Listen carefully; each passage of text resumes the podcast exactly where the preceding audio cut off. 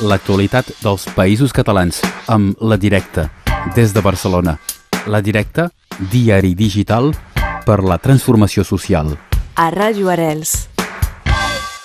Anem fins a la redacció de la Directa, aquest eh, portal internet, però que també cada 15 dies eh, treu un, una versió paper. És el cas aquesta setmana. Tenim amb nosaltres des de la redacció la Gemma Garcia. Bon dia, Gemma. Bon dia. En aquest nou número de, de paper, com no podia ser d'altrament, la portada tracta de la llibertat d'expressió.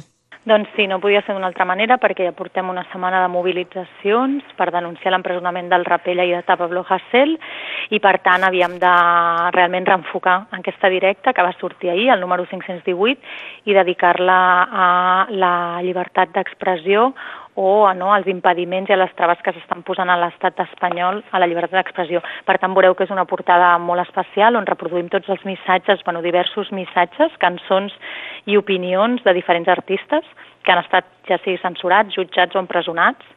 Per tant, el que trobareu són aquests missatges publicats en portada.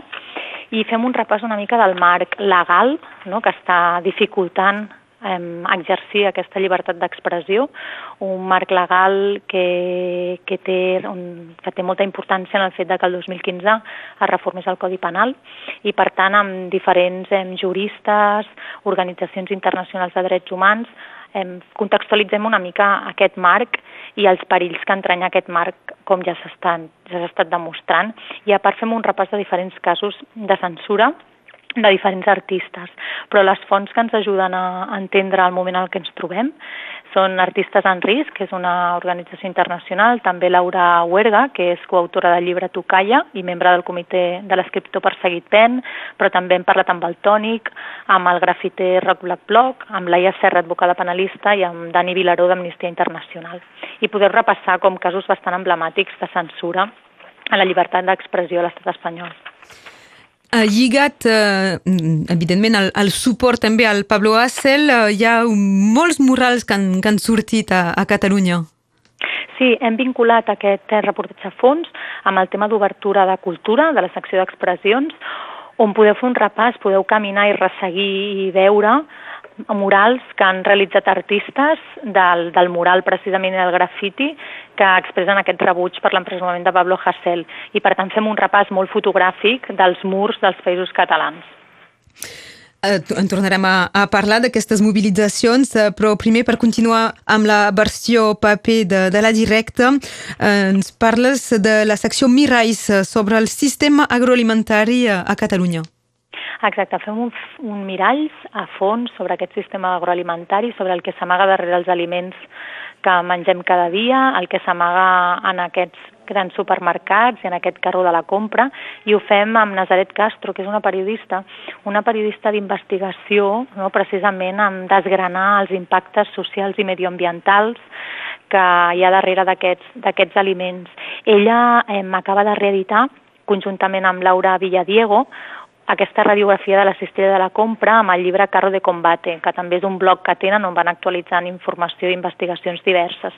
Però també en ocasions anteriors ha posat el focus en els monocultius i en els impactes dels supermercats. Per tant, podreu trobar una mica un panorama que ens desgrana aquest sistema agroalimentari global.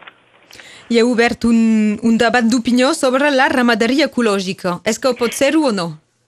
Exacte. Això és una secció que es diu Contrast, que forma part de la secció d'opinió, és una subsecció, diguem, on intentem posar sobre la taula debats debats que estan a l'opinió pública i en aquest cas ho fem sobre si una ramaderia ecològica que tingui en compte la vida animal és possible i confronten opinions amb diversos matisos i diversos accents, Aitor Garmendia, que és de, un activista animalista, que a Twitter el podreu seguir tras los muros, i una membre de Ramaderes de Catalunya, que signen col·lectivament aquest article i que sí que defensen que una ramaderia integrada en els cicles ecològics és possible.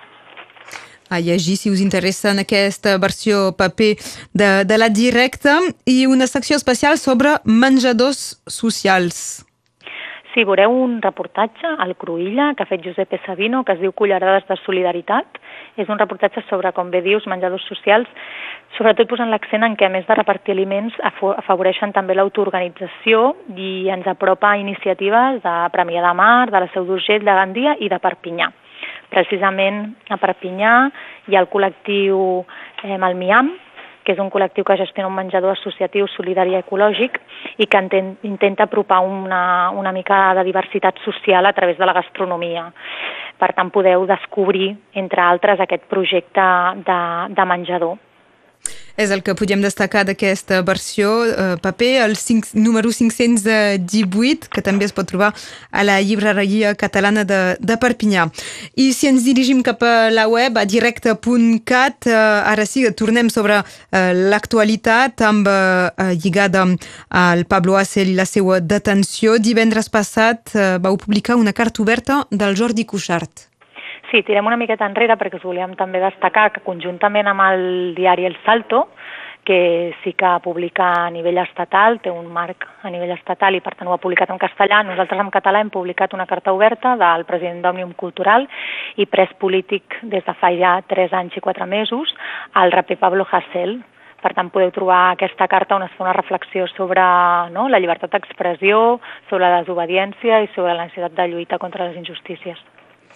La gent que s'ha mobilitzat i solidaritzat amb, amb Pablo Hassel ha, ha, també ha, hi ha hagut molts detinguts i uh, gent que ha entrat en presó preventiva fins i tot.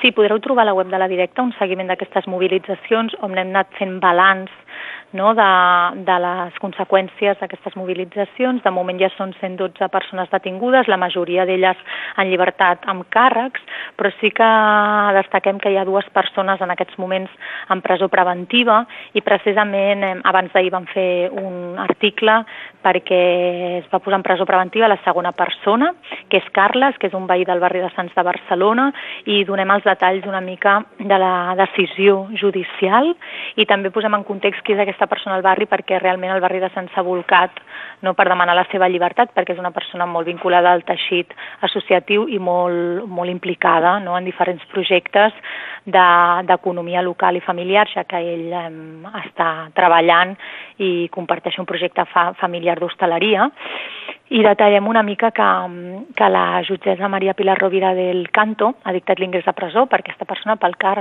pel Carles, era l'argument que ha sorprès molt d'evitar el risc de reiteració delictiva, no alegant que estan previstes convocatòries successives els pròxims dies de noves manifestacions.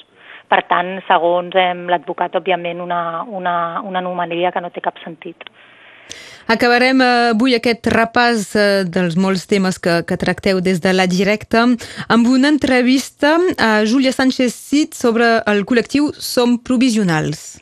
Sí, podeu trobar un contingut una mica de més reposat i de més reflexió i com de profunditat, que és aquesta entrevista a Júlia Sánchez Cid, que és membre de Som Provisionals. Som Provisionals el que intenten és trencar el tabú sobre la mort generant comunitat i defensant l'autogestió i l'apoderament en, en, en com afrontem la mort. Per tant, podeu trobar aquesta entrevista amb reflexions molt interessants. És el que podíem dir avui, el que hem destacat. Uh, recordem que la gent també pot anar al portal directe.cat. N'hem parlat avui amb la Gemma Garcia. Moltes gràcies, Gemma. Gràcies a vosaltres. Fins aviat. Adéu, bon dia. Adéu l'actualitat dels països catalans amb La Directa, des de Barcelona. La Directa, diari digital per la transformació social. A Ràdio Arels.